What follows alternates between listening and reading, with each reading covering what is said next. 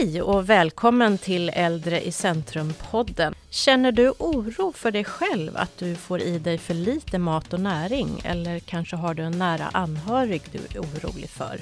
Det ska vi tala om i dagens avsnitt som handlar om mat och åldrande. Jag heter Lotta Segelberg. För dig som redan lyssnat på avsnitt 23 som handlade om undernäring så blir det välbekanta röster här idag. Åsa von Berens är med oss och du är forskare och utredare på stiftelsen Äldrecentrum och arbetar bland annat för att upptäcka tidiga symptom hos äldre som riskerar att bli undernärda. Du har också arbetat som dietist och utbildat andra dietister. Och så har vi Albert Westergren med oss här. Du är professor vid Högskolan i Kristianstad med lång erfarenhet av nutrition och du har skrivit boken Undernäring hos äldre. Men din karriär började som sjuksköterska. Välkomna båda två. Tack så mycket. Tack. Jag tänkte att vi ska börja prata om tallriksmodellen. Den är ju välkänd för oss alla. Det handlar om att välja rätt fetter, mycket frukt och grönsaker. Gäller den här tallriksmodellen för alla eller ska man börja äta annorlunda när man blir äldre? Ja, tallriksmodellen är ju välkänd och det finns lite olika varianter av tallriksmodellen också beroende på vem man är och vad man har för behov. När vi åldras så kan det vara eh, bra att se över sina matvanor lite eftersom våra behov kan ändras med åldern. Absolut, och det kan till exempel om man har en nedsatt aptit så finns det en anpassad tallriksmodell för det. Hur ser den ut? Ja, det är ju så. Har man en nedsatt aptit och svårt att få i sig stora måltider så kan man behöva äta en mindre måltid men som är då mer eh, fylld med energi och näring. Och, och, det rådet man ger då är ju att fokusera på proteindelen av tallriken. Alltså det som är kött, fisk, ägg, bönor, linser. Varje måltid eller lite uppdelat på olika? Ja, tallriksmodellen är väl egentligen ja, men man tillämpar man väl mest vid huvudmålen som lunch och middag. Men det är också viktigt just eftersom man har ett ökat behov av protein eh, när vi åldras, har vi det, så är det ju bra att även mellanmålen innehåller något proteinrikt. Som till exempel ost på en smörgås eller bredbart pålägg som till exempel hummus eller ja, leverpastej. Hur ska man då eh, tänka kring proteiner? Hur, vad äter man? Det man ska tänka på är ju att behovet av protein ökar när vi åldras. Och det beror dels på att man har en ökad risk för sjukdomar eh, ju äldre vi blir och då har man ett högre proteinbehov. Men också för att få i sig tillräckligt med protein för att inte förlora muskelmassa. Vi har ju en åldersrelaterad förlust av muskelmassa som man kan på forskarspråk kalla sarkopeni. Och förlorar vi muskelmassa så kan vi förlora, förlora funktion och eh, sjukdomstillstånd förvärras och vi kan falla och så skada oss. Så att därför så är det bra att ha ett tillräckligt proteinintag. En liten fundering med ja. det. Visst är det så också när vi blir äldre så har vi ett ökat behov utav D-vitamin. Och hur får vi oss det? Ja, men det stämmer. Eh, där är också en, en rekommendation som gäller specifikt för äldre, då, förutom ett, ett ökat proteinintag. Och det är att alla personer över 75 år rekommenderas att ta ett tillskott av vitamin D på 20 mikrogram om dagen. Och det kan man hitta på sitt apotek. Och det beror på att den, den, största källan till vitamin D, vi får ju vitamin D genom maten, det finns i ägg och fisk och svamp till exempel. Vi får i oss en del via maten, men den största tillgången till vitamin D, det får vi genom solen. Och man har ju sett att eh, den här produktionen av vitamin D i kroppen, genom att vi får solljus så kan kroppen producera vitamin D, den är nedsatt hos äldre personer. Och också så har man sett att intaget av vitamin D är lägre hos äldre. Och också att äldre personer kanske inte är lika mycket ute heller. Och därför rekommenderar man ett tillskott av vitamin D. Man kanske ska lägga till det i tallriksmodellen, att man ska vara ute en liten stund fysisk aktivitet är ju alltid ja, bra. men att få dagsljus helt enkelt. Det för med. att få i sig D-vitamin. Kombinera med rörelse utomhus, absolut. Om det är möjligt att röra sig där. Mm får mig att tänka på en väldigt intressant studie som gjordes i eh, Göteborg, för mig, där man tittade på friska blodgivare och deras halt av D-vitamin i blodet. Fördelen där var att man kunde följa de här blodgivarna över hela året. Och de här är då friska blodgivare och trots det så hade hälften av dem brist på D-vitamin under vinterhalvåret. Alltså akut brist eller stor Inte brist? akut, Nej, men, under rekommenderade värden. Så det har ju fått mig själv att tänka på, jag är 56 år idag, mm. eh, och ta ett D-vitamintillskott över vinterhalvåret. För det är inget som är farligt för mig, vet jag. Mm. Mm. Och där kan man ha en minnesregel att eh, ta tillskott under de månaderna som innehåller R. Mm. För då får vi inte lika mycket från solen. Men är man över 75, man kan också ta tillskott under hela året. Det är inte det är skadligt? Inte om man tar enligt rekommenderad mängd. Nej. BMI, Body Mass Index, används också mycket till vardags. Vad är det för slags mått och funkar det på äldre? BMI eh, räknar man utifrån ens längd och vikt och det fungerar ju även när man blir äldre. Eh, det som händer när vi blir äldre det är att vi tenderar att bli lite kortare. Kotpelaren sätter sig så att säga. Och det innebär också att man får ett falskt högt BMI. Men de rekommendationerna för vad som är ett normalt BMI är också olika när man är ung vuxen eller äldre. Där man då kompenserar för det här att vi blir lite kortare. Så vad, vad ligger, om man är sifferintresserad, vad ligger statist eller siffrorna på ungefär? Ja, men för yngre vuxna, om mm. vi uttrycker oss så, så ligger normalvikt då som anses normalvikt mellan 20 och 25. PMI 20 till 25. Och för äldre så säger man mellan 22 och 28 och vissa sträcker sig till och med till från 25 till 30. Och här skulle jag säga att allting tyder på att, att det är bra att ha ett lite högre BMI när man är äldre. Eh, det visar studier, där är det Eh, resultat i samma riktning. Men man kanske inte riktigt har enats om gränsen. Men lite högre. Och där är det också viktigt att säga att BMI är ju ett mått, inte hela sanningen. BMI säger ju ingenting om kroppssammansättningen. Så är man väldigt muskulös så kan man ju också få ett väldigt högt BMI. Så är det ju. Men ehm, det, det kan vara ett bra mått att använda. Absolut. Jag kan bara flika in där med, vi gjorde en eh, studie i Skåne där vi tittade på sjukhus och särskilt boende och då när man tittar på BMI och eh, hur, hur personer inom vård och omsorg låg till så var det 25 procent som hade för lågt BMI och 40 procent hade ett normalt BMI och hela 35 procent hade ett för högt BMI. Så, så, så fördelningen ut då. Mm, mm. Det är ett brett spann verkligen. Ja men verkligen och när vi är inne på BMI och den här podden handlar ju, ska ju vara fokus på undernäring så är det ju värt att nämna också att man kan ju ha en undernäring fast en BMI är högt. Så är det.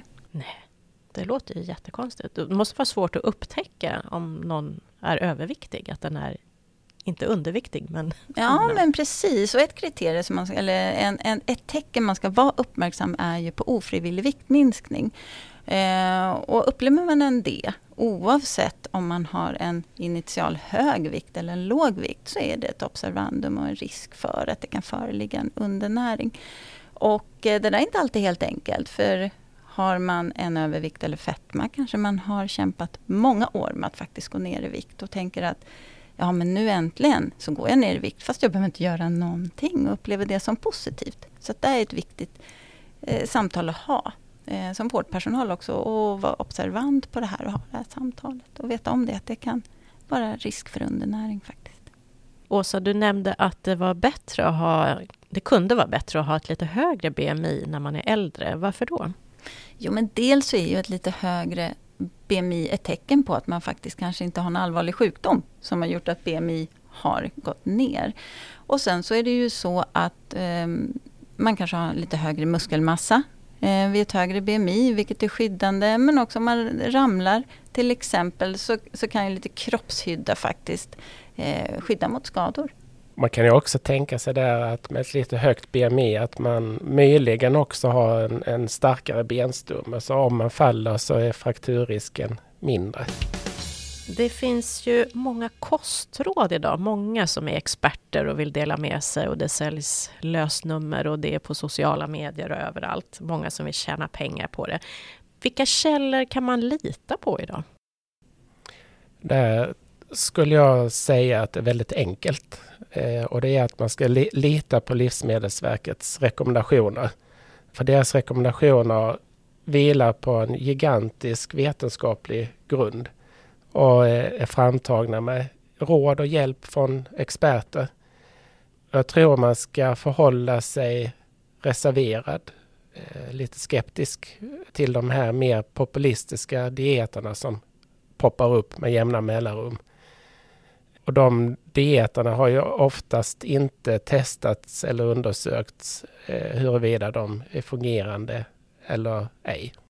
Ofta hänvisar de ju till forskning, eller det låter ungefär som att det är beforskat, men hur, man får vara kritisk helt enkelt. Jag tänker man får vara kritisk. Eh, och sen är vi ju individer, vi är alla enskilda människor som kanske kan uppleva att vi har en god positiv effekt om en viss diet. Och då kanske det är så för dig. Men eh, är man det minsta tveksam så är det Livsmedelsverkets rekommendationer som jag tycker att man ska lita till. Mm, jag kan bara hålla med. Och jag tänker de dieterna som lyfts i media och dagspress, det handlar ju om, ofta om eh, inte bara hur vi ska äta mer hälsosamt, men kanske hur man ska gå ner i vikt. Och, och, det är ju någonting man ska vara lite försiktig med, just det här banta, kanske alla, men, men framförallt när vi är till åren komna. Men proteiner är i alla fall det ni har sagt är viktigt när man är äldre. Ofta är det att man ska undvika kolhydrater i de här de senaste trenderna.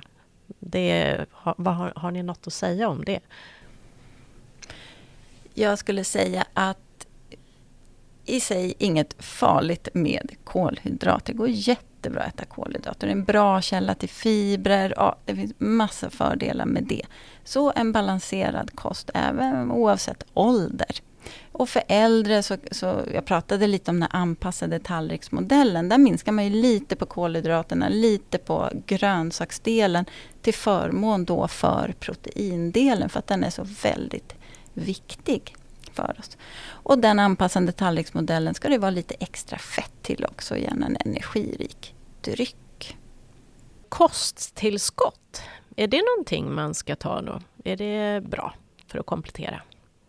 Det kan vara. Det är ju väldigt individuellt. Som jag nämnde, det finns ju det generella rådet att om man är över 75 så ska man ta eh, tillskott av vitamin D till exempel. Det finns inga andra sådana generella riktlinjer förutom man har, om man har ett väldigt lågt intag generellt så kan man behöva någon multivitamintablett. Men där skulle jag rekommendera att man tar hjälp av primärvården och kanske dietisten då får hjälp och råd i det. Ja, jag tänkte att vi skulle prata lite mer specifikt om undernäring och vilka problem det kan leda till. Vad har du att säga Albert om det? Det finns ju en väldigt stor mängd olika typer utav problem och tar man det väldigt övergripande så handlar det ju om att det finns en generellt ökad risk för att bli sjuk och även att man dör. Men det handlar också om försämrat välbefinnande eller livskvalitet. Eh, man kan bli nedstämd, känna sig deprimerad. Minnesproblem förekommer. Och sen har vi det här som eh, Åsa också var inne på, det här med sarkopeni, med muskelförlust, eh, som innebär att man då får muskelsvaghet. Man kan få svårt att hålla balansen. Man får en ökad fallrisk och risken ökar också för benbrott. Hur vet man om det här själv om man misstänker att man kanske lider av undernäring? Hur märker man av de här symptomen på något vis? Man kanske inte märker symptomen men jag tror man märker av att ja, men till exempel ringar och klockan sitter löst och kläderna passar inte som innan. Kan man bli eh, trött och yr och sådär eller? Trötthet och yrsel, ja precis. Och sen eh, innebär det också att man får ett ökat behov av att uppsöka sjukvård. Man kan få svårläkta sår, sämre immunförsvar generellt också. Men det här är bara några exempel. Det finns väldigt mycket fler mm, exempel. Det verkar allvarligt. Ja. Verkligen. Man kan ju lägga till undernäring påverkar ju alla organ faktiskt, hela kroppen. Så att symptomen och konsekvenserna kan vara omfattande. Mm. Och vill man fördjupa sig i det här med undernäring så har ju vi spelat in ett avsnitt till som handlar just om undernäring, avsnitt 23. Det finns något som kallas för fingermat eh, och det är att man äter med händerna. Vem av er vill berätta om det? Det kan jag prata lite om. för vi har jobbat med ett projekt eh, vid Högskolan Kristianstad som handlar om att eh, dels utvärdera och fråga efter vad det finns för attityder till att äta med fingrar hos äldre personer med motoriska svårigheter att äta. Men där frågar vi också om hur det var för anhöriga såg på det, hur personal såg på det.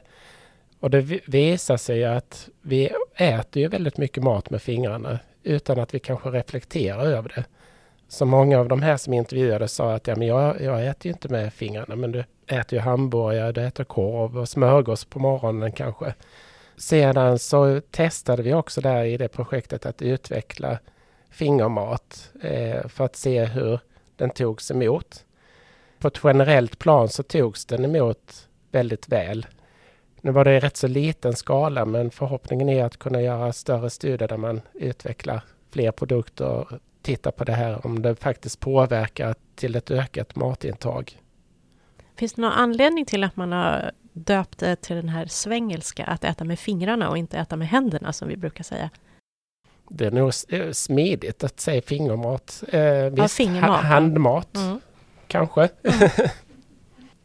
Det finns ju andra problem förutom att man kanske inte kan hålla i kniv och gaffel. Och det kan ju vara att man har problem med tänder eller andra saker, att man har ont någonstans i munnen. Finns det lättuggad mat eller hur funkar det med det? Absolut finns det det. Och det finns ju mer naturligt lättuggad mat eh, och råd man kan få kring det som att till exempel kanske om man vill äta kött istället för helbiff välja en köttfärsrätt. Eh, rätt. Fisk kan ju vara mjukt och lättuggat. Det kan underlätta att ha lite extra sås på maten. Och jag tänker, har man eh, tugg och sväljproblem, det kan ju vara så att man också har en undernäring och då kan den här extra såsen göra nytta på flera sätt eftersom då kan man behöva en energi och proteinberikad kost. Så då kan man få lite extra energi genom såsen och det kan också bli extra lättuggat. Så det finns en hel del att göra. Man kan skära bort kanterna på bröd till exempel och ha ett bredbart pålägg så blir det lite lättare att tugga. Skulle man inte kunna utesluta och sitta och äta då och få i sig allting via dryck? Det finns ju så mycket olika sätt att få i sig näring genom att dricka idag, proteinrika drycker och så vidare. Det finns det absolut. Och det finns ju till exempel kosttillägg, alltså näringsdrycker, säger man ju i dagligt tal, som kan vara bra komplement. Men visst behöver man de här andra måltiderna också för att täcka sitt behov. Det talas ju ibland om att man ska äta små måltider ofta, medan andra säger att man kanske ska äta sällan. Vad, vad är er rekommendation? Hur ska man veta vad som är bäst? Jag tänker att det är väldigt individuellt också. Så det handlar mycket om att efterfråga individens önskemål. Men eh, har man problem med nedsatt aptit så kan det vara svårt att äta stora måltider, frukost, lunch och middag. Och där kan det vara extra viktigt då att tillgodose de här mellanmålen, att även mellanmålen innehåller bra mat, bra innehåll. Generellt sett så pratar man ju om att man rekommenderar tre huvudmål frukost, lunch och middag. Och sen så rekommenderar man ett mellanmål på förmiddagen, ett på eftermiddagen och gärna ett mindre mål på till kvällen också. Jag tänkte att vi skulle prata om hur man gör eh, en måltid lustfylld. Om man till exempel bor hemma själv och inte tycker det är jätteroligt att äta, man äter ensam. Mm. Mm. Hur gör man Vanligt. Mm. Det finns ju olika sätt. Eh, jag tänker, eh, lider man av att man, att man äter mycket ensam och har så finns det för vissa möjlighet att äta tillsammans med andra. Man kanske kan gå ut om man kan det, det vill säga gå ut till en träffpunkt och äta lunch, något mål gemensamt med andra. Eller gå på aktiviteter där det erbjuds mat eller fika tillsammans med andra. Eller om man har någon granne eller anhörig man kan äta tillsammans med. Nu är det ju inte alla som har den möjligheten.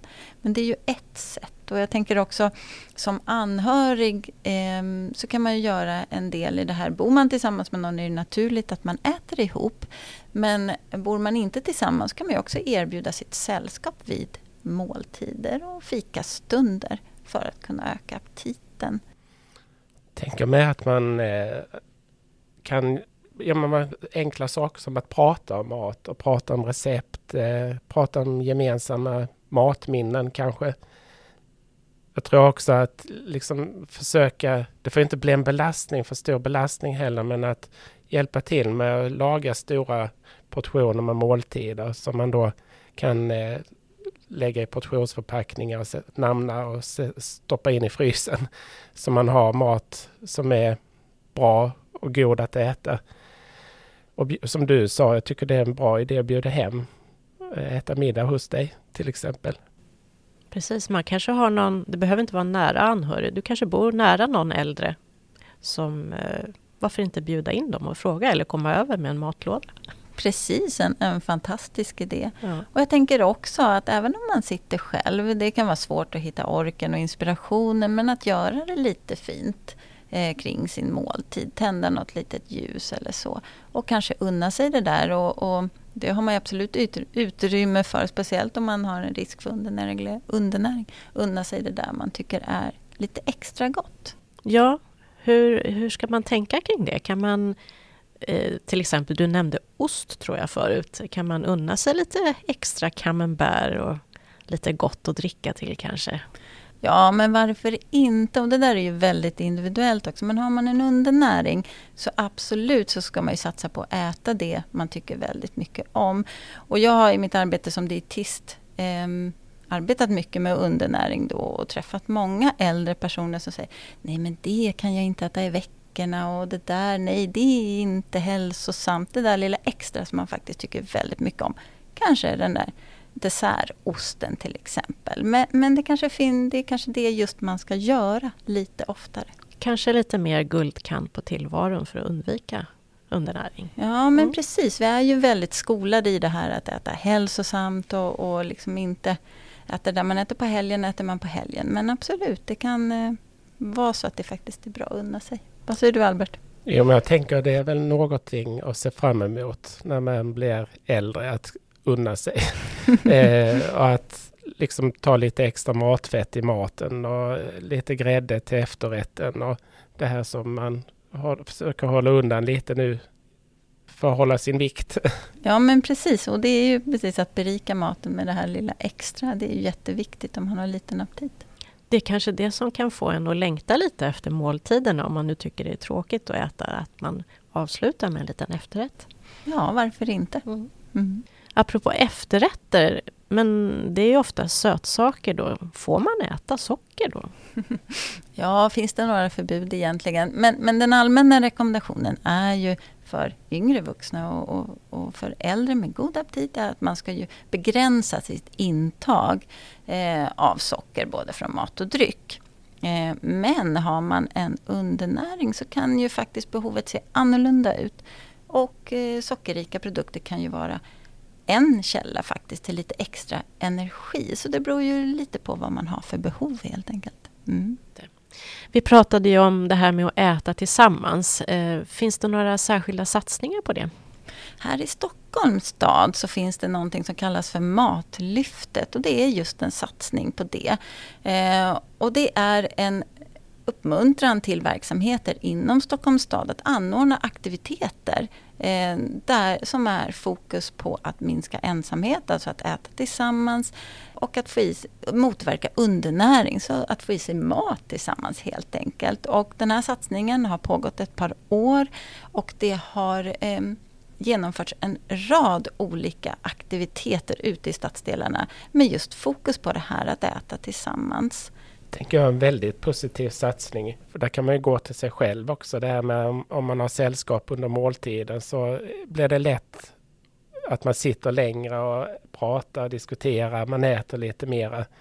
Till skillnad från när man är själv hemma. Då, för min egen del ska jag säga, så blir det snabbare mat, kortare ättid mm. och mindre mat. Ja, och jag tror att det är gemensamt för många av oss att det blir så. Och de aktiviteterna det har ju varit allt ifrån att anordna en föreläsning med lite extra mellanmål och fika till att erbjuda gemensamma luncher, temamiddagar, vårfester. Men det har också varit måltidssällskap hemma för de som inte har möjlighet att ta sig ut.